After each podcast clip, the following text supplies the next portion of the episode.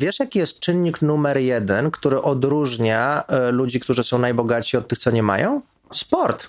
Stary, to jest sport. Okazuje się, że ludzie biedni nie uprawiają sportu. I to jest najczęściej występujący czynnik mentalny. Nie mówimy tutaj o sytuacji gospodarczej, politycznej, ekonomicznej, no bo nie będziemy porównywali dziecka, które urodziło się w obozie dla uchodźców w jakiejś, wiesz, Kenii albo gdzieś indziej, z tym, że ono nie uprawia sportu. To by było nieetyczne. Mówimy o czynniku tylko i wyłącznie psychologicznym.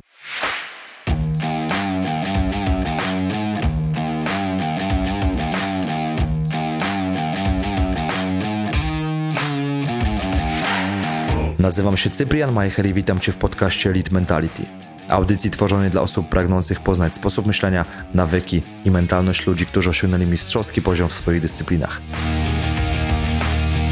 Witam Cię w nowym epizodzie podcastu i dzisiaj o mentalności zwycięzców od tej psychologicznej strony będę rozmawiał z Mateuszem Grzesiakiem, czyli jednym z najpopularniejszych psychologów w Polsce. Mateusz szkoli międzynarodowo od ponad 14 lat na rynkach europejskich i amerykańskich w siedmiu językach, w których także płynnie mówi, więc ten fakt jest naprawdę imponujący.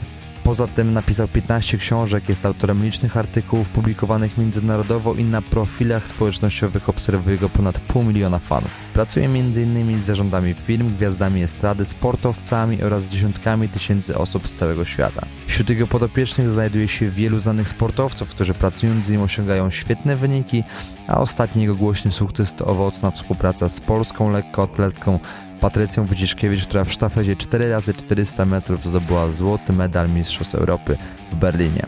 Poza tym Mateusz to przede wszystkim człowiek, który permanentnie podnosi poprzeczkę sobie i innym, myśli globalnie i jego wizją jest dostarczenie światu narzędzi mentalnych w celu stworzenia nowatorskich modeli zmiany w życiu osobistym i biznesie.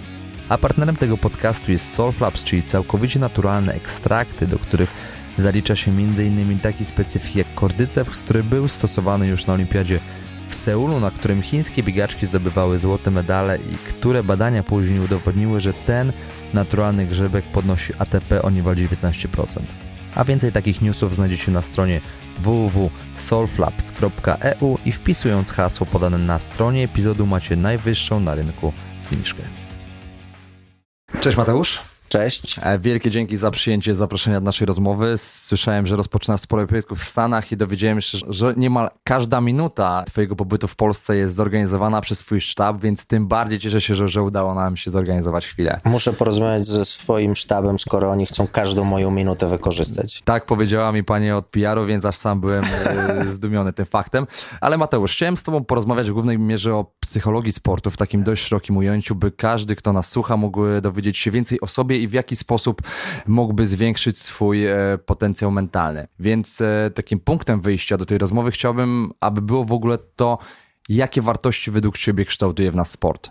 Zależy od tego, jaki sport dokładnie, bo jak masz sport drużynowy, to z całą pewnością współpracę będzie kształtował, będzie też kształtował solidarność, wyjście z założenia, że my jest ważniejsze niż ja, lojalność, e, pewnie równość pomiędzy zawodnikami, no bo jeżeli któryś z nich uważałby się za lepszego, to wtedy nie podawałby piłki na przykład drugiemu. Jeżeli masz do czynienia ze sportem, który już nie jest drużynowy, tylko skupiony indywidualnie na jednostce, Yeah. Na przykład lekkoatletyka z określonych dyscyplin, no to już e, będziesz miał takie kwestie jak determinacja albo wolność, z całą pewnością ambicja i dążenie do perfekcjonizmu. To są też takie wartości uniwersalne, które oni mają, dlatego że chcąc być najlepszym, siłą rzeczy idą w kierunku ideałów. I to jest ciekawe, bo e, o tym już mówił Platon, który ideami się zajmował filozoficznie, że ten sport kształtuje w nas określonego rodzaju cnoty i umysły tworzy cywilizowane, umysły odważne, więc to są wszystko takie rzeczy, które mają ponadczasowy wydźwięk, nie dotyczą tylko i wyłącznie dzisiejszych czasów. A jak słyszę właśnie o tym, co mówisz, czyli perfekcjonizm, determinacja i tak się zastanawiam, czy w ogóle w rozwoju osobistym nie jest dokładnie tak samo i czy możemy powiedzieć, że istnieje taka bezpośrednia korelacja między wygraną w sporcie, a wygraną w życiu? Z całą pewnością istnieje taka relacja. Ja to mówię również jako sportowiec, który bardzo jest aktywny od bardzo wielu lat, jeśli chodzi o różne dyscypliny sportowe, dlatego że dzięki temu co ten sport mi dał i nam daje, determinacja, nastawienie na sukces, chęć bycia lepszym, ambicja, można to później migrować do innych dziedzin życiowych, więc istnieje korelacja pomiędzy pewnością siebie a wynikami sportowymi na przykład, więc siłą rzeczy psychologia sportu, o której my rozmawiamy, będzie wpływała na inne rzeczy w życiu. Nie jest specjalną tajemnicą, że dzieciaki, które zaczynają ćwiczyć karate są później silniejsze również mentalnie, a nie tylko i wyłącznie od strony fizycznej, bo sam fakt świadomości tego, że mogą się obronić, daje im już zupełnie innego rodzaju podejście do potencjalnych konfliktów, których siłą rzeczy będą w odpowiedni, dobry sposób unikać, a jak się nie da, to będą w stanie gotowe się obronić, co wpłynie na, dla odmiany psychikę ich potencjalnego przeciwnika, który szybciej się wycofa, bo sam się przestraszy. Więc w rozwoju osobistym, który jest kolosalną dziedziną, chodzi również o inne rzeczy. Niektórzy nastawiają się, żeby osiągać wyniki, a inni, żeby dla odmiany iść w kierunku procesowym, bo według buddyzmu wszystko przemija i nie należy się z niczym identyfikować, więc w zależności od tego, jaką filozofię weźmiesz, ten rozwój osobisty będzie wyglądał inaczej. My jesteśmy w Polsce, to jest kraj, który jest na dorobku aktualnie. Ambicja króluje i według wymiarów Hofstede z zarządzania jesteśmy nacją o charakterze bardziej indywidualistycznym, więc ludzie bardziej myślą o sobie. Więc siłą rzeczy będziesz miał tutaj kwestie związane z rozwojem osobistym, który jest oparty o osiąganie wyników, a dla odmiany Polak traktuje sukces e, jako przede wszystkim przejaw wyników w zawodzie finansowych czy stanowiskowych, w mniejszym stopniu rodzinnych. To się też zmieniło na przestrzeni ostatnich lat. Ale jeżeli pojedziemy do kraju, który jest mi bardzo bliski, w którym żyłem długie lata, czyli do Meksyku, sukces zawodowy nie jest już tak istotny jak sukces na przykład rodzinny i szczęście rozumiane w zupełnie inny sposób. Więc tam masz inny rozwój osobisty, a rozwój osobisty w wydaniu chińskim też ma zupełnie innego rodzaju wydźwięk. W takim razie teza, którą stawiam w tym podcaście, którą myślę, że gdzieś tam analogicznie możemy wspomnieć, jest taka, że w ogóle mentalność zwycięzców to zespół powtarzanych zachowań, których może nauczyć się każdy dzięki budowaniu takich codziennych nawyków, dyscyplinie i poświęcaniu e, krótkotrwałych przyjemności na rzecz realizacji długotrwałych celów. I tutaj mam pytanie do ciebie, do tej pierwszej części. Czy uważasz, że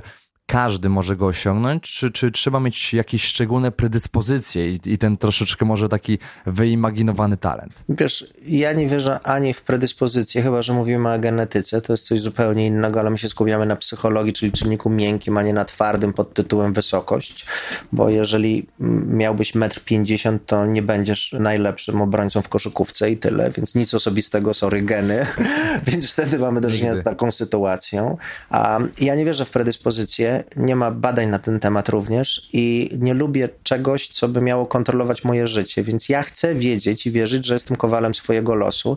Jednocześnie też, ponieważ racjonalnie podchodzę do życia, biorę pod uwagę, że warunki, w których funkcjonuję, determinują to, jak ja się rozwijam i jak to będzie wyglądało. Ja dam Ci przykład. W sporcie w Stanach Zjednoczonych jesteśmy sobie na sali i ćwiczymy brazylijskie jiu-jitsu. Za każdym razem trener używa stwierdzeń w chwili, gdy będziecie na zawodach, to robicie to i to. Pamiętajcie, najważniejsze jest to, żebyście wygrali. Później permanentnie dają komplementy i mówią, jesteś świetny, doskonale to zrobiłeś i tak dalej. To jest obce polskiej mentalności. Obce. W Polsce dostać komplement, to po pierwsze musisz starać się przez przysłowiowe 20 lat, żeby na niego zasłużyć, a jak już dostajesz, to i tak ktoś ci powie, nie chcę ci słodzić, bo Polacy się wstydzą tego robić, więc my za to bez problemu skrytykujemy kogoś. Czy to ma wpływ na Jak cholera ma, dlatego że jak ma trener trenera, który go zruga z góry na dół, czyli mamy trenera starszej daty, to ten sportowiec, jak nie ma silnej psychy, to on zostanie zniszczony, bo bym przekonany, że jest niewystarczająco dobry. Wiesz, pamiętam taką sytuację, jak pracowałem z kulturystami że się spotkaliśmy i poznawaliśmy w ogóle mentalność wiesz, tej dyscypliny. Pojechali na Arnold Classic do Stanów i podchodzą do nich jakieś nastolatki i robią sobie zdjęcia e, z nimi. I oni pytają, ale przecież jest jeszcze przed konkursem, nie wiadomo, czy my wygramy. A nastolatek amerykański mówi, ale może wygracie, a jak wygracie, to my chcemy mieć z wami zdjęcie. A ci mówią, my tu nie przyjechaliśmy wygrać, tylko żeby wziąć udział. A ci patrzą na nich i mówią, ale to my nie rozumiemy, po co żeście tu przyjechali. To, więc masz tak kolosalne ogromne różnice w mentalności, że się w głowie nie mieści. Natomiast oczywiście, wracając do twojego pytania, każdy się może nauczyć i przede wszystkim każdy może w sobie wyrabiać pewnego rodzaju cechy, które daje sport. Każdy może być bardziej zdeterminowany, bardziej ambitny, bardziej nastawiony na wynik, lepiej planować swoje życie, mieć większą odporność na stres, która jest kluczowa. Każdy z nas jest w stanie zmieniać również to, co się dzieje z jego ciałem. Przykładowo, ja będąc e, zaangażowany sześć razy w tygodniu w sporty walki, siłą rzeczy mam bardziej podniesiony testosteron, więc totalnie zmieniła się moja fizjologia i to, w jaki sposób ja wyglądam, jak funkcjonuję, jak się poruszam. Więc ten sport wpływa na wszystkie pozostałe dziedziny i każdy może się nauczyć tych rzeczy. Nie zmienimy sobie koloru oczu ani wzrostu, ale jesteśmy w stanie wyrobić w sobie te cechy, które są nam potrzebne. Chociaż to, co powiedziałeś, nawiązując do pierwszej części twojej odpowiedzi, że rzeczywiście ta mentalność już się zmienia dzięki tej takiej wymianie pokoleniowej, co widać też w sporcie na zasadzie wpływu treningu mentalnego na sportowców, że coraz więcej trenerów bierze ten jakże ważny czynnik pod uwagę, gdzie szukają oni takiej kolejnej bariery, którą można przekroczyć, więc tutaj bardzo fajnie też o tym powiedziałeś. No muszą, I... Cyprian. Faktycznie jest wymiana pokoleniowa. Pamiętam jeszcze kilkanaście lat temu, jak rozmawiałem z trenerami, to nie myśleli, że ja będę robił terapię zawodnikom oni w ogóle nie rozumieli o co chodzi, sami zawodnicy nie rozumieli, na czym to polega. Dopiero później oni odkryli, że inner game sportowca i to, co się dzieje w jego psyche, ma bezpośrednie przełożenie na wynik i faktycznie zależy od pokoleń. Ja pamiętam, jak działałem z instytucją, którą poznałem, nazywali się działacze. W ogóle dla mnie to powiem ci, słowo działacz jest w ogóle niesamowite. Czym się zajmujesz tym działaczem? I okazuje się, że działacze, ja im przedstawiam badania pokazujące, że piłkarze w Manchester United w chwili, gdy zaczęli pracować z techniką technikami kontroli dialogu wewnętrznego, to polepszyli swoją grę o kilka procent w przeciągu kilku tygodni. Wiesz, to jest kolosalny wynik, jak weźmiesz pod uwagę, że to bezpośrednio się przekłada na wynik. I są badania konkretne naukowe na ten temat, a oni mówią, a to u nas nie zadziała. I wiesz, tego typu rzeczy, gdzie oni Zresztą chociaż twój przypadek właśnie z Kubą Rzeźniczakiem, o którym tak. rozmawialiśmy wcześniej, właśnie on też w wywiadach potwierdzał to, że rzeczywiście wychodząc na mecz przypominał sobie te najlepsze chwile tak. i właśnie wy współpracowaliście właśnie między innymi na tej zasadzie, żeby wzmocnić jego pewność siebie, żeby on gdzieś tam też po części sobie wizualizował te momenty, w których był na topie swojej kariery. I tak. rzeczywiście tak. u niego, on sam stwierdził, że to rzeczywiście u niego zadziałało, tak, że jego głowa też wróciła do takiej normalności. Tak, to były techniki modelowania konkretnie. Jest ich cała masa w repertuarze każdego psychologa sportu i je dobieramy w zależności od tego, jakie są potrzeby. A masz tam masę problemów, które mają charakter czysto i wyłącznie mentalny. Umiejętność koncentrowania się. To nie jest kwestia fizjologiczna, to jest kwestia tego, jak zarządzasz swoją głową. W jakim tempie podnoszą się po upadku. Czy piłkarz, który idzie po murawie, wcześniej, który zrobił kiksa, czy on siebie uderzy ręką w głowę albo zacznie przeklinać, jeszcze nie daj Boże, przed kamerami, po to, żeby się autokrytykować. Czy on opuści głowę w dół po tym, jak mu nie zadziałało? Nie wiem, czy zwróciłeś uwagę. Piłkarzowi nie wychodzi, opuszcza głowę w dół i idzie. Jeżeli on będzie miał pozycję zamkniętą i jeżeli się skuli w sobie, to po dwóch minutach badania z Harvardu pokazują, on wydzieli więcej kortyzolu, hormonu stresu i spadnie mu poziom testosteronu. To oznacza, że jego mięśnie będą bardziej spięte, co oznacza, że będzie gorzej strzelał. Stary, to są fakty. Tam jest konkretna nauka z tym powiązana i jak my weźmiemy ją pod uwagę i zaczniemy zamieniać na praktyczne ćwiczenia, które można nawykowo wprowadzać w umysł sportowca, to my nie tylko jako nacja e, zaczniemy osiągać lepsze wyniki, my również w kontekście sportu, biznesu i wszystkich pozostałych aspektów, jako Polacy, zaczniemy wreszcie zmieniać te chore elementy patologicznej mentalności, cierpiętnictwa, narzekactwa, krytykanstwa i zaczniemy się skupiać na wynikach dokładnie tak samo, jak robią wszystkie nacje, które są nastawione na to, żeby dominować w pozytywnym tego słowa znaczeniu na rynkach, na boiskach, na polach i tak dalej, i tak dalej. I tak się właśnie zastanawiam, bo zauważyłem że rzeczywiście taką bardziej otwartą postawę, ale w stosunku do gdzieś tam zagranicznych piłkarzy, więc jakby mielibyśmy to porównać do takich polskich i właśnie celem tego podcastu jest też w pewnym sensie taka maksymalizacja naszych zachowań w kierunku tego sukcesu, czyli co robić, żeby stawać się codziennie lepszym. I zastanawiam się właśnie nad tymi różnicami. Gdybyśmy powiedzieć, jaka jest różnica według ciebie między tymi dobrymi w jakiejś dziedzinie, a tymi najlepszymi? Mhm. Bardzo ciekawe zadajesz to pytanie. To jest dobre pytanie. Są badania na ten temat i kwestie tego, czym oni się kierują. Po pierwsze, autoanaliza. Ci najlepsi spędzają dużo czasu na refleksji. Sprawdzają, co zrobili dobrze i co mogą zrobić lepiej. Po drugie, nastawienie na wynik. Nie miejmy żadnych wątpliwości. Oni chcą być najlepsi i zamierzają być najlepsi. Tam nie ma opcji pod tytułem może mi jakoś pójdzie. Albo zobaczymy, co dzisiaj boisko przyniesie. Albo zobaczymy, jaki będę miał dzień. Nie, nie, nie, nie. Nie, ja wychodzę, żeby mieć mecz życia. Będę najlepszy dzisiaj. Następna to jest kwestia pracy mentalnej. Ci najlepsi poświęcają dużą ilość czasu na to, żeby pracować.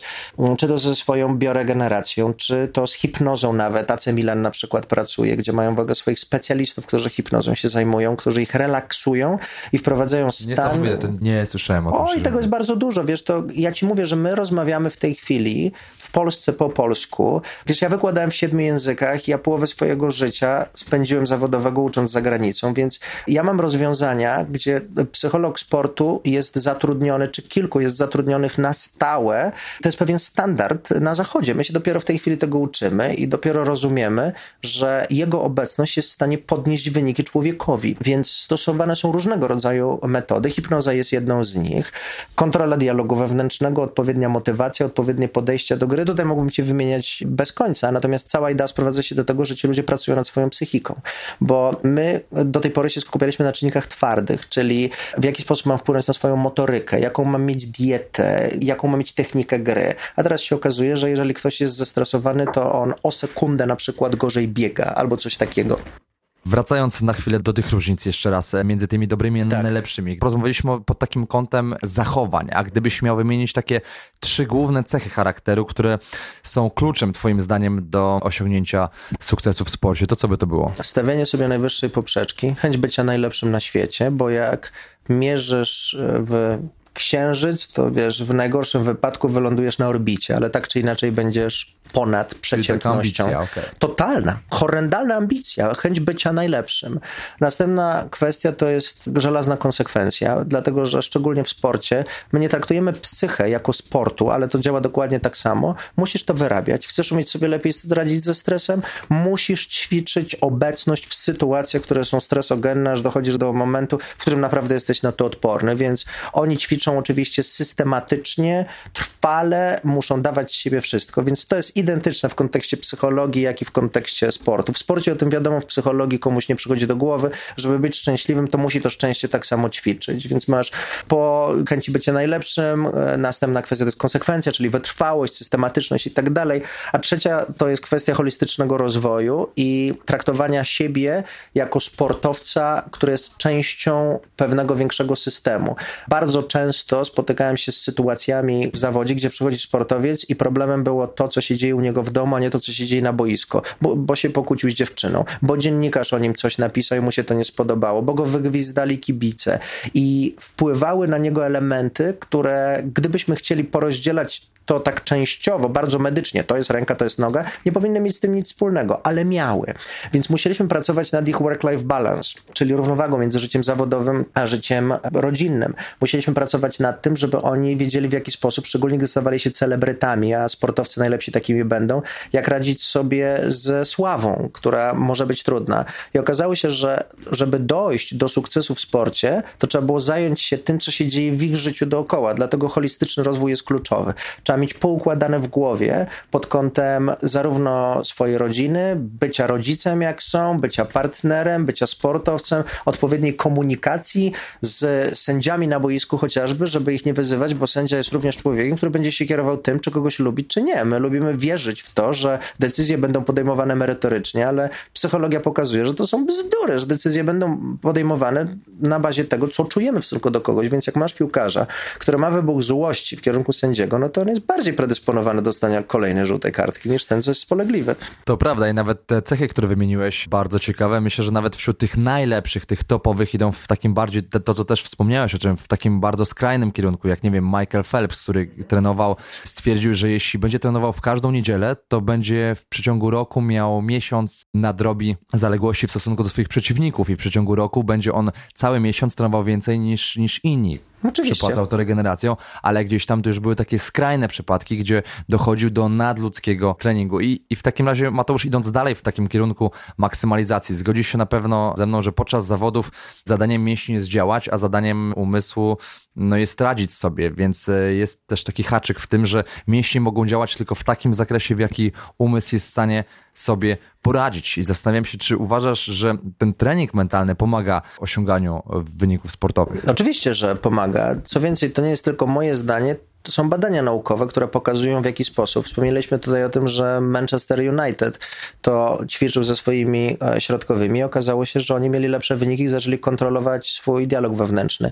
Dam ci następne. Jeżeli masz do czynienia z kulturystami, to grupy badanych kulturystów, które poza ćwiczeniem wyobrażają sobie również proces ćwiczenia, mają większy przyrost mięśni w porównaniu do tych, które nie przeprowadzają się przez proces wizualizacji. I to są bardzo konkretnie przedstawione fakty przez prestiżowe instytucje, więc czy trening mentalny działa? Tak, z całą pewnością.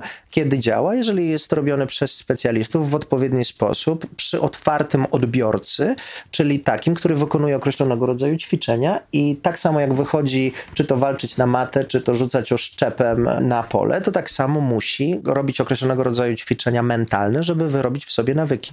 Super, czyli taka nieustająca gra, gdzie właśnie mózg musi przyzwyczajać mięśnie cały czas i rozmawialiśmy, że otwarcie do współpracy z tobą e, przyznawało się wielu sportowców, między innymi właśnie były piłkarz kapitan Legii Warszawa Jakub Brzeźniczak i zastanawiam się nad tym, jak wyglądała współpraca z wami. Czy miałeś swoje jakieś ulubione techniki we współpracy z nimi, gdzie mogłeś wykrzesać z nich taki największy potencjał? Wiesz, to za każdym razem technika jest dobierana pod potrzebę, bo to jest narzędzie tak naprawdę. Ja najpierw zaczynam od dokładnego wywiadu i diagnozy sytuacji, się dowiaduję, co się dzieje i co nie gra. Sprawdzam, czy nie gra coś w życiu osobistym, czy jest to kwestia tylko i wyłącznie mentalna. Jakiś czas temu pracowałem z jedną lekkoatletką, to się okazało, że jej przeszkadzały y, dialogi wewnętrzne i samo jej podejście do obrazu siebie, w związku z czym zaczęliśmy pracować nad etykietami.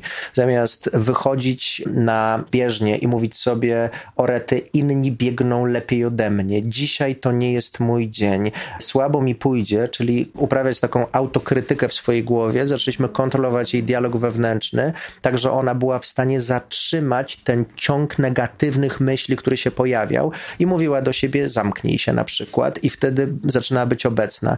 Masz następny element, konieczność bycia w tu i teraz, czyli skupienie na bieżni, skupienie na tym, co ona czuje, czuje, co ona widzi, co się dzieje dookoła, a nie myślenie o tym, co będzie za chwilę, bo wystarczy, że ktoś sobie powie przegram, po to, żeby jego mózg już zaczynał generalizować i wprowadzać te negatywne rozkazy.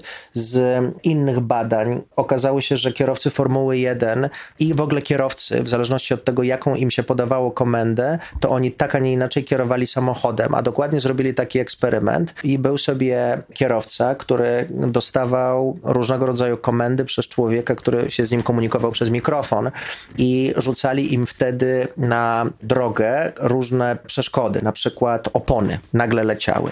I jak mówili do nich, cytuję, nie patrz na opony, to oni zawsze w nie wjeżdżali, a w momencie, gdy mówili do nich, patrz na przestrzeń, którą możesz przejechać, to oni się wtedy skupiali na tym, co było między oponami, czyli znajdowali tę lukę. Więc szczególnie w sytuacji, gdy prowadzisz auto i tam jest, wiesz, 200 czy ileś kilometrów na godzinę, to masz co, pół sekundy na decyzję, czy jeszcze mniej? Więc ich mózg musi być mega skupiony na tym, co się dzieje. Pracowałem również kiedyś z pilotem, który akurat przeszedł na emeryturę, miał 30 ileś lat, więc był relatywnie stary i on latał migami. Trochę jak górnicy, nie? E, oj tak, albo saperzy, więc wiesz, e, i on latał e, samolotami, które leciały, no powiesz, po 900 km na godzinę na przykład.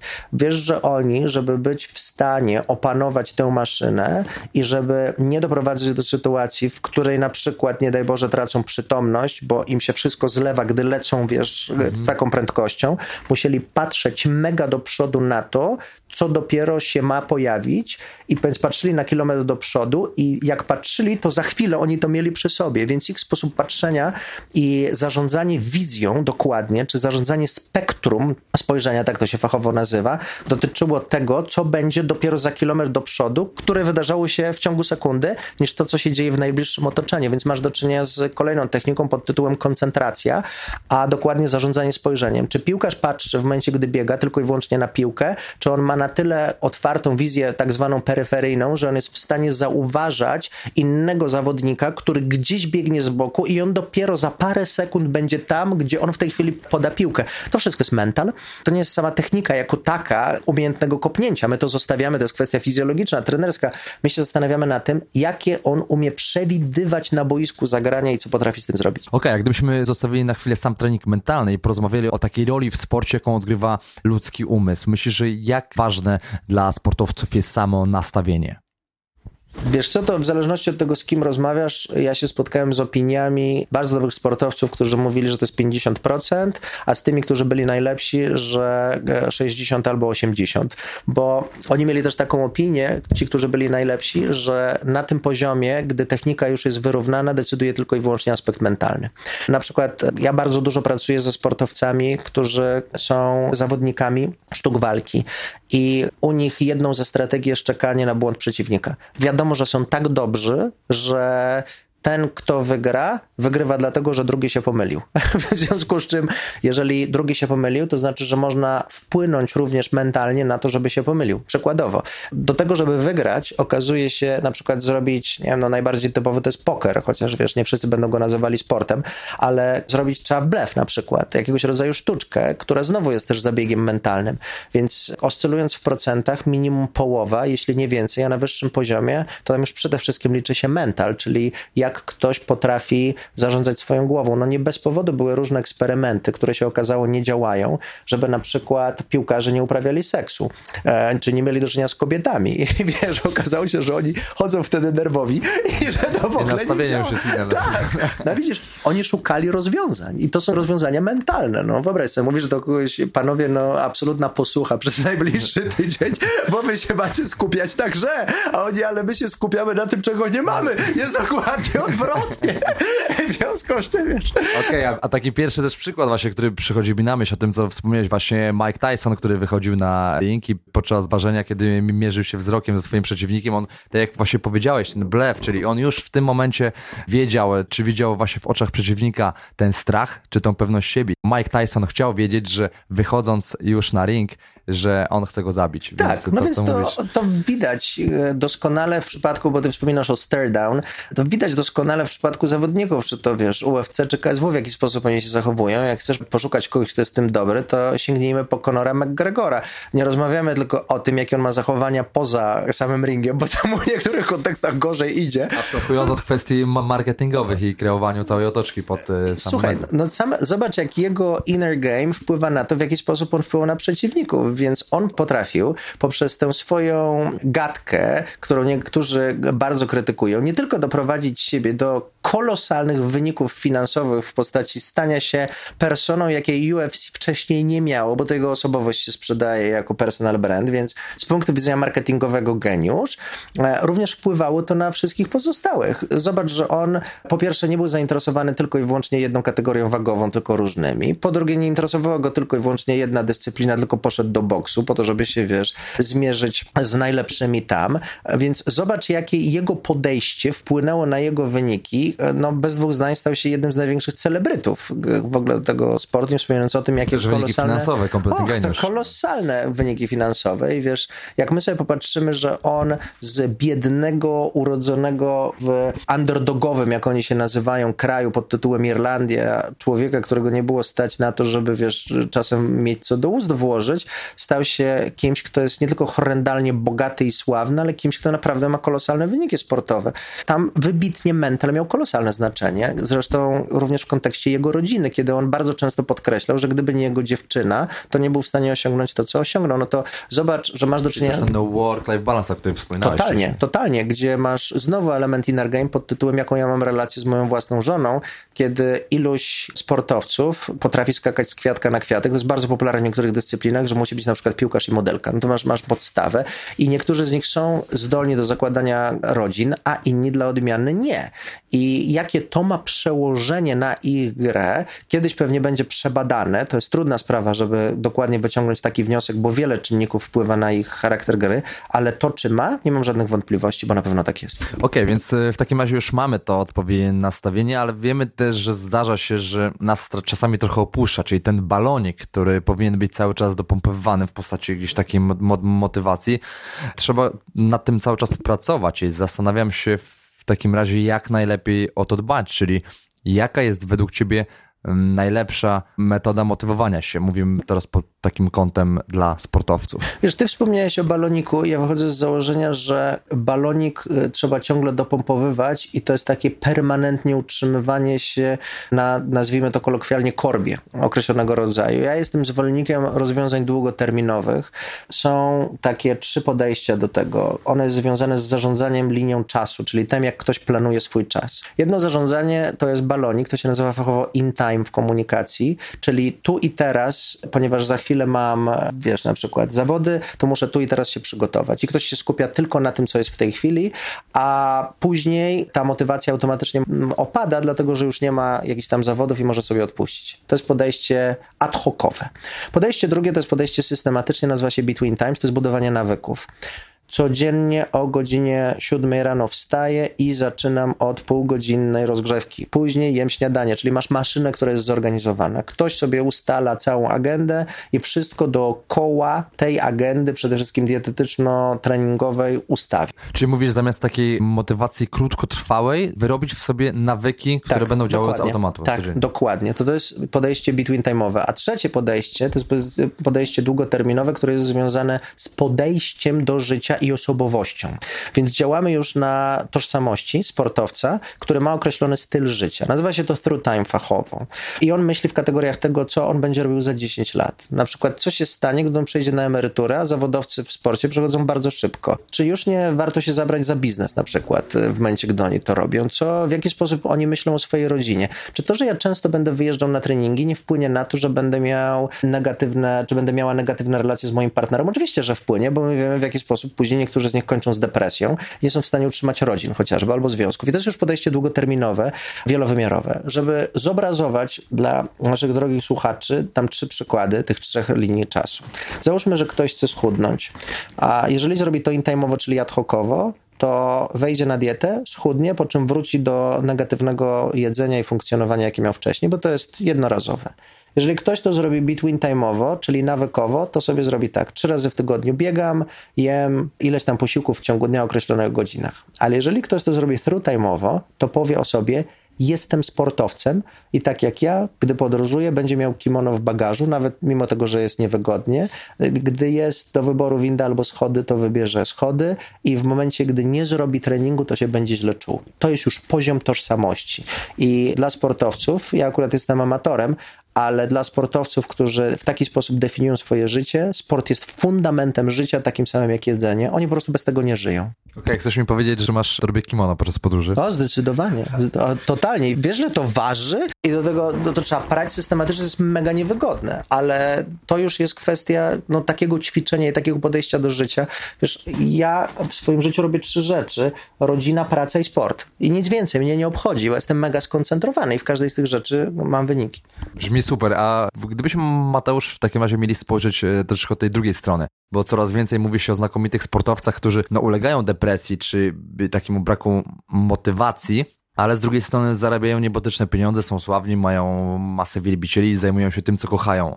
No tylko w teorii mają to wymarzone życie, bo zastanawiam się, dlaczego tak się dzieje, że mnóstwo topowych sportowców zmaga się mm, z takim brakiem właśnie motywacji i depresją i tutaj mamy mnóstwo przykładów w postaci, nie wiem, Justyny Kowalczyk, e, jest Tyson Fury, Tiger Woods, Andra i nawet pewnie znasz ten przykład, e, kiedy znany bramkarz Gianluigi Buffon zmagał się z depresją, konsultował się z swoim lekarzem, a ten próbował mu tłumaczyć, że każdy chciałby żyć tak jak on, a on, że on nie chce takiego życia. I zastanawiam się, skąd to się bierze w ogóle. No, jeżeli popatrzysz na to nie z punktu widzenia kibica, tylko z punktu widzenia takiego zawodowca, to twoje życie całe opiera się o dietę i o treningi, w związku z czym wstajesz rano, idziesz i na przykład dzień w dzień kopiesz Polskiej mentalności oczywiście. No pewnie. Wiesz, no myślę, że my patrzymy po prostu na wynik czyjegoś życia, a nie na proces, który go tam doprowadzał. Więc my lubimy patrzeć na to, w jaki sposób Lewandowski strzela bramkę, natomiast my nie mamy pojęcia o tym, że żeby on strzelał tę bramkę, to on musi dzień w dzień wychodzić i trenować, musi się pocić,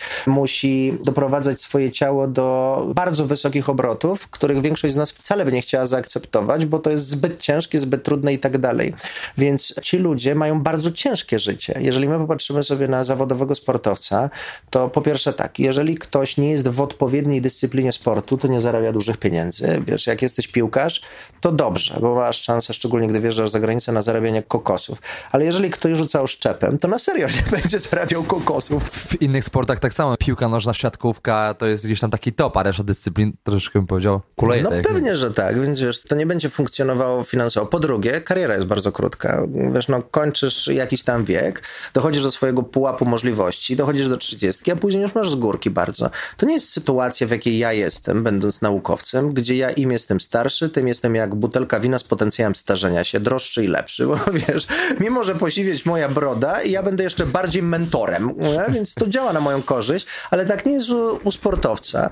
Więc masz drugi czynnik. Trzeci, permanentne robienie tego samego, dlatego, że oni funkcjonują w oparciu o budowanie nawyków i pracują przede wszystkim na ciele i z ciałem. Więc ta sama dieta, więc dzień w dzień treningi, więc dzień w dzień bieganie. No z tego punktu widzenia to jest nudne. Jak jeszcze do tego dodasz element pod tytułem sława i celebryctwo, gdzie oni są pod permanentnym wpływem i naciskiem szeroko pojętej publiki, gdzie kibic kocha, ale jego lojalność jest bardzo powierzchowna, bo kocha tylko jak się strzela bramki, a w momencie, gdy y, już się nie strzela bramek, to wtedy nienawidzi albo się odsuwa, bo jego tożsamość jest na tym zbudowana, co pokazały niedawne mistrzostwa w Rosji, jeśli chodzi o, o część kibiców, która już nienawidziła, bo nie było wyniku, ale wcześniej to kochała i wyciągała na piedestały, no to ich życie jest horrendalnie trudne, jakbyśmy sobie na to patrzyli. Ja osobiście, tak jak rozmawiamy, ja nie chciałbym mieć takiej kariery, bo i krótka, i ciężka, i nudna, i do tego jeszcze grupa docelowa, czyli kibice, kocha albo nie kocha, w zależności od tego, czy ja mam dobre albo nie mam dobrych wyników, a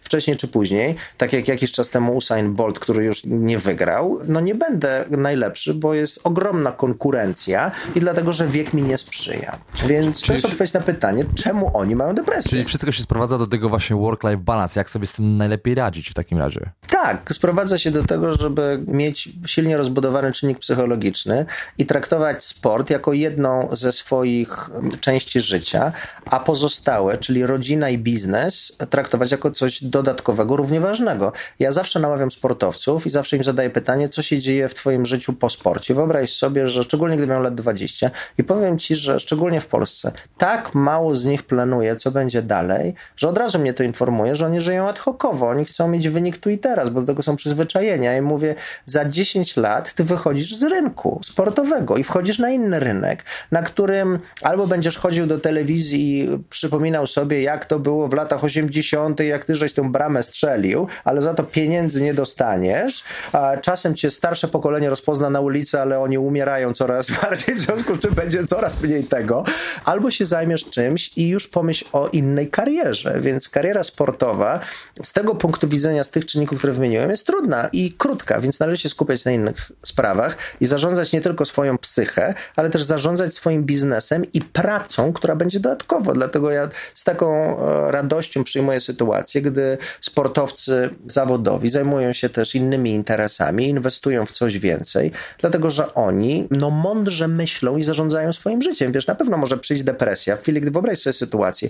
Jesteś bożyszczem tłumów, wszyscy cię uwielbiają, po czym łamiesz nogę. Byłeś na Monteverestie i nagle spadłeś. Nikt na ciebie już nie zwraca uwagi. Reklamodawcy nie przychodzą, no bo nie będziesz ze złamaną nogą reklamował ich produktów. Nagle pieniędzy nie ma, nie ma sławy, nie ma poczucia własnej wartości. Nagle z bycia kimś stają się nikim. To jest trudna sytuacja. Właśnie, jest ten, też ten drugi aspekt takiej presji, o której też wspomniałeś a propos tego mundialu i zastanawiam się w takim razie, jak sobie radzić z taką presją spowodowaną dość e, powszechną krytyką, która dotyka coraz więcej sportowców i potrafi nawet e, zakończyć ich karierę. Właśnie a propos tego mundialu kiedy nie była to nawet, można powiedzieć, taka fala krytyki, tylko taka obraza, nienawiść e, pod kątem tych piłkarzy i napisałeś nawet, e, bym powiedział, książkę na ten temat, Psychologia hejtu, w której dość obszernie opisałeś ten temat i no i sam zresztą kiedyś opowiedziałeś historię, jak e, gdy stojąc na czerwonym świetle w centrum Warszawy w swoim samochodzie jakiś przechodzeń napluł tak. ci w szybę. A tak, ja pamiętam. Ja wtedy byłem w 2008 roku. Nie wiedziałem za dużo na temat dobrych inwestycji, więc kupiłem sobie sport sportową furę za pieniądze, które zarobiłem jako pierwsze duże. Więc później zorientowałem, że nie mam na ubezpieczenie. Ale faktycznie Ale już to byłeś 10... rozpoznawalny, skoro ktoś napił w szybę. 10 lat temu widzisz, nie. To był po prostu zawistny Polak. Cecha bardzo negatywna naszej nacji, charakterystyczna. Gdyby nad e, Wisłą z zawiści budowali wieżowce, to mielibyśmy najwyższe na świecie. Nie? Więc ktoś był zawistny i to jest taka cecha, e, która z całą pewnością dotyczy tego społeczeństwa. I hejtu również, tego jest dużo. I jeżeli sportowiec nie zdaje sobie sprawy, że jego sława jest tam na zewnątrz i że jest to tylko story, to jest pusta historia i to, co ludzie sądzą na jego temat, jest fluktuacyjne i zależy. Zależy od tego, jakie on ma wyniki, jaki oni mają humor, co się dzieje politycznie i tak dalej, i tak dalej. To on, jak będzie się definiował na bazie tego, jakie dostaje brawa od innych, to niestety jego poczucie własnej wartości będzie zależne od czynnika zewnętrznego, a wtedy on będzie uzależniony od tego podziwu. I to jest mega trudna sytuacja. Ci ludzie, jako często celebryci, są cały czas wystawieni na ostrzał różnego rodzaju i oni dostają, z jednej strony dostają masę poklasku, bo przecież sportowiec, który strzela przysłowiowe bramki, buduje temu narodowi poczucie wartości, więc ci kibice siedząc tam, to jest gdy Polska strzeliła gola, to tak jak ja bym strzelił gola. Wreszcie, a jak Niemcom strzelili gora, to to już w ogóle. Rozumiesz, siedzą miliony tych ludzi przed telewizorami i mówią, ja strzeliłem bramkę. Oni tak się czują, bo to mój Polak, bo on się wychował w mojej dzielnicy, to tak jak ja. Natomiast jak nie strzela, to masz pendulum, który uderza w drugą stronę. E, nagle się okazuje, że ich poczucie własnej wartości leci w dół i tak dalej. Ja nawet takiego dużego posta na tym e, napisałem, żeby dali spokój piłkarzom, ci kibice i żeby spojrzeli na to w kategoriach, to jest tylko gra. Come on! Weź swoje poczucie własnej wartości, potrzeb je do siebie, do tego, co ty czujesz, jaką masz etykę, jakie masz wyniki, a nie to, czy jakiś sportowiec strzelił, czy nie strzelił gola. Wyluzuj, no nie? To się nagle stało historią numer jeden. To, czy on bierze udział w reklamach, czy, czy jest celebrytą właśnie, czy nie. Bo No wiesz, no, taki biorąc pod uwagę polskie podejście- Gorączka i ból dupy był związany z mocno z tym. Stary, no masz y, polskie podejście do pieniądza. 50% według badań ludzi się wstydzi o nich mówić, 30% się czuje dyskomfortowo, 20% się boi, 48% Polaków nigdy nie poprosiło w życiu o podwyżkę, 25% nie wie, czy zarabia dużo, czy mało, 70% Polaków uważa, że sukces osiąga się kombinatorstwem albo znajomościami. Jeśli chodzi o pieniądze, to to nie jest nacja, y, w której należy się uczyć tego, jak zarabiać forsę. Na, z całym szacunkiem jesteśmy odważni, kreatywni i tak dalej. Jeśli chodzi o forsę, to mamy przekonania ze średniowiecza. Komuna zrobiła nam bajzel w głowie. Ludzie wychodzą z założenia, że wszyscy powinni mieć porówno. To im buduje postawę roszczeniową. Jak my byśmy byli w Stanach, to tam masz stratyfikację społeczeństwa. Podział klasowy jest prosty. Jest obok mnie John. John jeździ super furą i ma super dom. Ja nie mam ani fury, jeżdżę na rowerze i mieszkam w przyczepie kempingowej. Ale ponieważ John ma, a ja nie mam, to ja wiem, co ja zrobię. Ja będę ciężko pracował, żeby mieć to, co John. Dlatego, że teraz jestem niżej, ale mogę być wyżej. To nie jest polskie podejście. Polskie podejście to jest zabiorę Johnowi, żeby on też nie miał. Dokładnie, zgadzam się. I Mateusz, w takim razie chciałbym jeszcze nawiązać do tego drugiego etapu motywacji, o których wspomniałeś, czyli o tych nawykach, budowaniu tych na- nawyków. Chciałbym y, bardziej skonkretyzować ten temat, czyli o takich porannych i wieczornych rytuałach, czyli bardzo ważne jest to, w jaki sposób rozpoczynamy dzień i go kończymy. Co według ciebie warto zrobić od razu po przebudzeniu i przed pójściem spać? Pierwsza rzecz to jest wdzięczność, gdy się budzimy za cokolwiek. Za to, że mamy dwie nogi, na których można chodzić, za to, że obok nas ktoś śpi, jak jesteśmy w jakimś związku, za to, że mamy psa, który marda ogonem i tak dalej. Dlatego, że to będzie nas bardzo pozytywnie nastrajało do dnia i to buduje nam pozytywne emocje. Wydzielamy je wtedy, w związku z czym jest dobry metabolizm emocjonalny, mówiąc metaforycznie. Zaczynamy od wdzięczności. Później druga kwestia to jest kwestia e, medytacji i tego, żeby oczyścić umysł, żeby zaczynać od obecności. Im bardziej obecni jesteśmy, tym bardziej kontrolujemy nasze myśli, emocje, a co za tym idzie zachowania.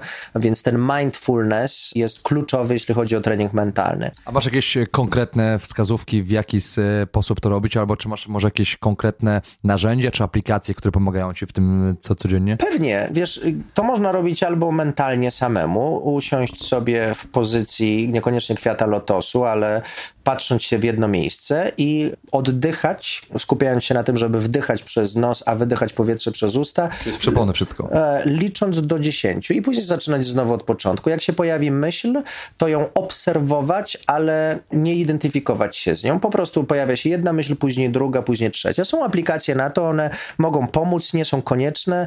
praktyka medytacji pokazuje, że po trzech tygodniach zmienia się struktura mózgu i ludzie mają obniżony poziom stresu, w związku z czym wybitnie się opłaca pod kątem zdrowotnym. I świetnie też o tym pisze chyba Tim Ferriss właśnie, że 80% jego gości w ogóle tych podcastów i, i opisani w książce Tools of Titans właśnie to są ludzie sukcesu, którzy właśnie uprawiają medytację na co dzień lub y, praktykują uważność. I to jest to właśnie kultywowanie świadomości tego, a no właśnie akurat Mateusz pokazał mi swoją książkę, którą właśnie ją tutaj ma i on y, też właśnie o tym bardzo ciekawie opisał, czyli mamy wdzięczność, mamy medytację. medytację, żeby być obecnym. Następnie dobra dieta, czyli przechodzimy do śniadania, albo robimy trening. Tu są różne teorie, w nie nie będę wchodził, bo tym się zajmują zawodowcy w kontekście sportu. Natomiast po zjedzeniu od razu sport i trening. To jest następna cecha. Ty wspomniałeś o tym, że większość tych ludzi medytuje. Wiesz, jaki jest czynnik numer jeden, który odróżnia e, ludzi, którzy są najbogatsi od tych, co nie mają? Sport. Stary, to jest sport. Okazuje się, że ludzie biedni nie uprawiają sportu. I to jest najczęściej występujący czynnik mentalny. Nie mówimy tutaj o sytuacji gospodarczej, politycznej, ekonomicznej, no bo nie będziemy porównywali dziecka, które urodziło się w obozie dla uchodźców w jakiejś, wiesz, Kenii albo gdzieś indziej, z tym, że ono nie uprawia sportu. To by było nieetyczne. Mówimy o czynniku tylko i wyłącznie psychologicznym. Ten, który jako numer jeden odróżnia tych, co mają, od tych, co nie mają, to jest sport. Ludzie bogaci, niezależnie od wieku, są aktywni sportowo i tak zaczynają dzień. I to nie jest tak, że oni uprawiają ten sport raz w tygodniu, oni go uprawiają codziennie.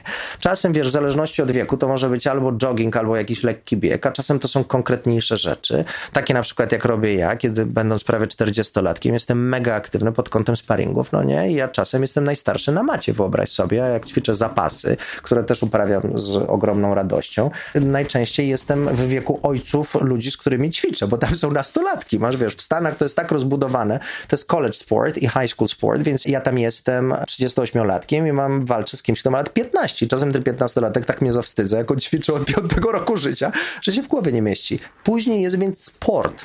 I to są takie główne rytuały. Później funkcjonujesz w zależności od tego, czy jesteś amatorem, czy, czy sportowcem, idziesz pewnie do pracy albo do szkoły, a wieczorem znowu są rytuały, przede wszystkim feedback, czyli jakie są trzy rzeczy, które dzisiaj zrobiłem dobrze. Takie pytanie ktoś sobie zadaje, żeby e, się uczyć mm, z sukcesów. Później, jakie trzy rzeczy chcę zrobić lepiej następnym razem.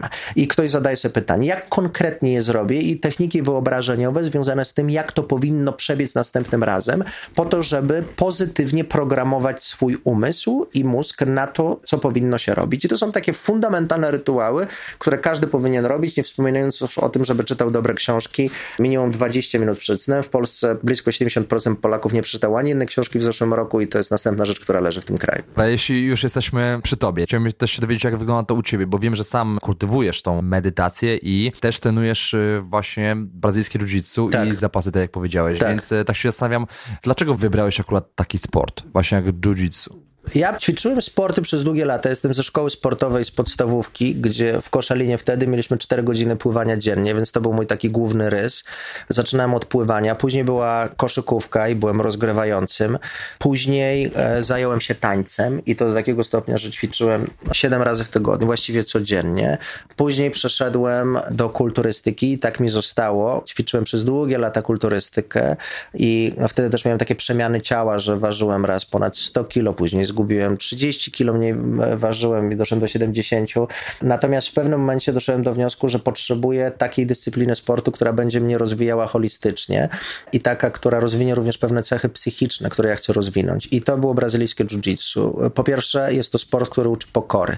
W chwili, gdy masz na sobie gościa i on cię dusi, to jak nie odklepiesz, to będziesz uduszony i stracisz przytomność, albo jak ci zakłada tak zwaną balachę, to jak nie odklepiesz, czyli się nie poddasz, to będziesz miał złamaną rękę. W związku z czym permanentnie w czasie treningów ja ciągle odklepuję. Dzisiaj myślę, że odklepałem wiem, z pięć albo sześć razy.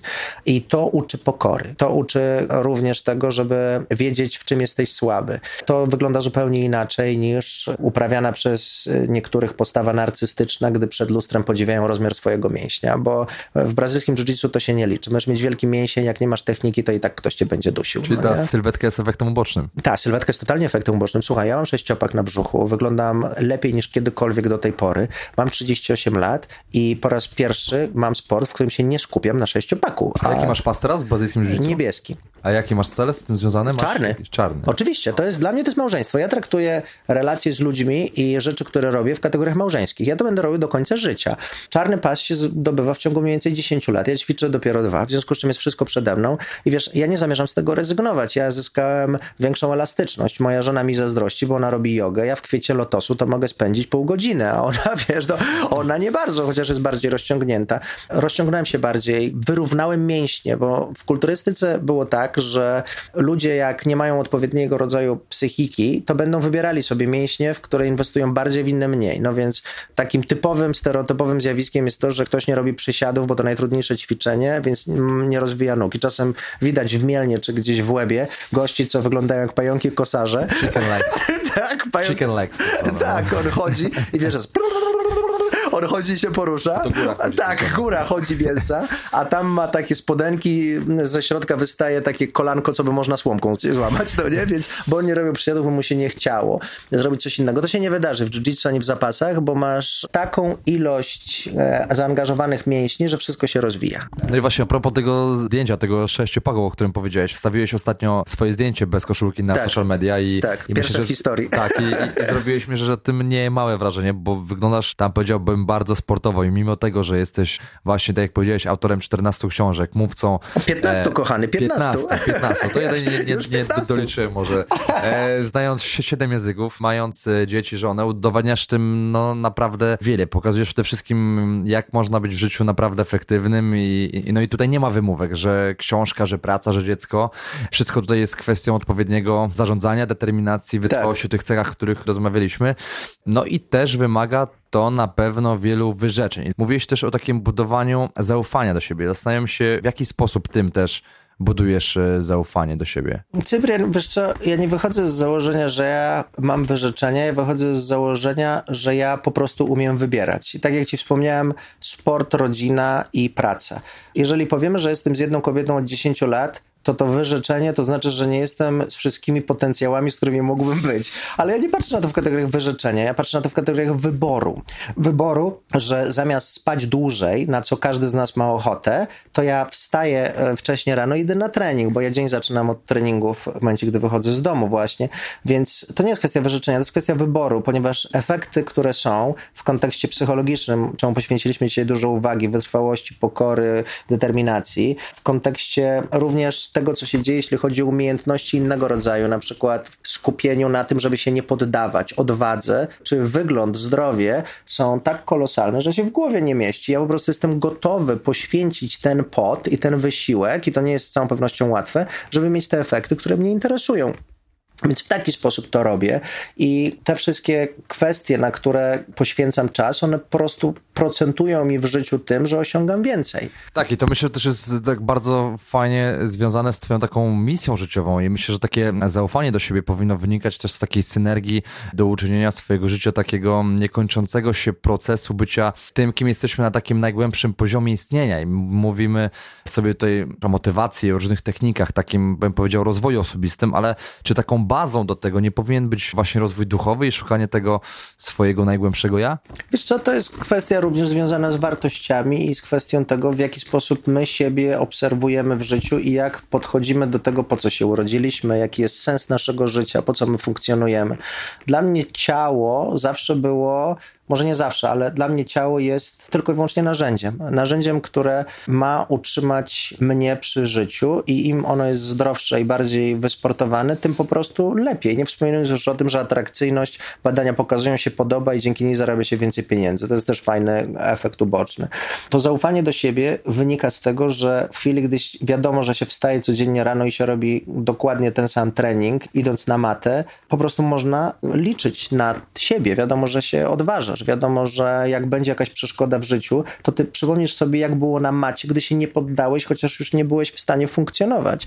Jak mamy takie ćwiczenia, kiedy jest załóżmy czwarta, piąta walka i wszyscy są już ledwo żywi, a oni dopiero wtedy zaczynają robić nam tak zwane drille, trenerzy i wtedy mamy wycisnąć z siebie jeszcze, to jak ty ciągle przeciągasz tę strunę, to wyobraź sobie później, jak ktoś ma do czynienia z hejtem i on mówi, z tym to ja sobie poradzę na luzaka. Mamy takie powiedzenie, że ten, kto ćwiczył zapasy, już nigdy nie powie, że istnieje w życiu coś trudnego. Więc zobacz, jakie tam jest ogromne przełożenie tego zaufania do siebie i ten aspekt duchowy w sporcie uważam, że jest kluczowy, dlatego że z jednej strony my patrzymy na nasze ciało z boku, a ono jest dla mnie e, brazylijskie jiu-jitsu, czy w ogóle sport jest e, byciem w medytacji. Ja jestem obecny.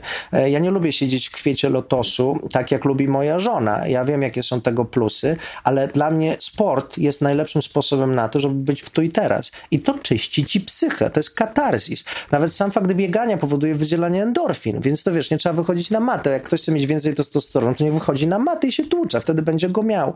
I z całą pewnością znalezienie swojego sensu w życiu, czy stworzenie sobie wizji, misji, hierarchii wartości, którymi ja się kieruję, ktokolwiek z nas, powoduje, że my wiemy po co żyjemy, po co funkcjonujemy. Jak ktoś będzie chciał wiedzieć więcej, to Viktor Frankl się tym zajmował, twórca logoterapii, który opowiedział, że po to, żeby przetrwać najtrudniejsze momenty, musimy mieć sens w życiu. I Człowiek wiedzieć, w poszukiwaniu my... sensu. Tak, musimy wiedzieć, po co my funkcjonujemy. Ja niedawno, na...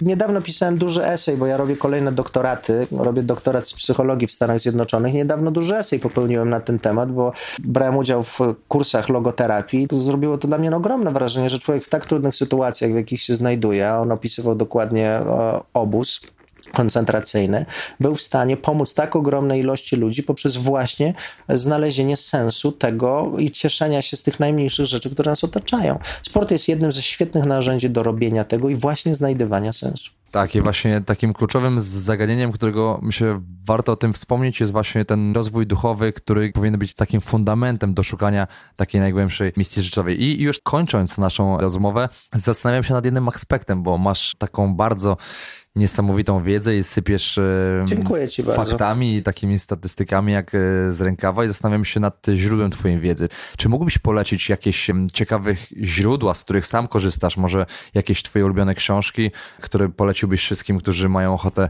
e, zgłębić rozwój swojej świadomości? No, to jest bardzo duże pytanie. To jakbyśmy się rozejrzeli po tej mojej bibliotece w moim biurze, które dzisiaj... No sporo jest książek, widzę. Tak, to moglibyśmy się skupić na tym, co kogo kręci i w jakim kierunku chce się rozwinąć. Jeżeli ktoś chce wiedzieć więcej na temat marketingu, to niech sięgnie po Kotlera. Jak ktoś chce wiedzieć więcej z zarządzania, to po Druckera. Jak ktoś chce się zainteresować mindfulnessem, to Eckhart Tolle albo Byron Katie będzie rewelacyjny. Jak kogoś interesuje rozwój osobisty, to poza nieskromnie wspomnę moimi książkami, których jest 15, to może i zaraz będą kolejne, to może sobie sięgnąć po Timotego Ferisa, który jest też rewelacyjny i tłumaczony na język polski. Może sięgnąć po książki Coveya, Briana Tracy'ego w kontekście szeroko pojętej psychologii sukcesu. Jak ktoś chce interesować się psychologią, to tutaj znowu mamy podziały, czy to jest psychologia osobowości, czy to jest społeczna, czy to jest kwestia psychobiologii i tak dalej. Więc też mamy, czy terapeutyczna, mamy tutaj masę rzeczy do osiągnięcia. Ja to robię w taki sposób.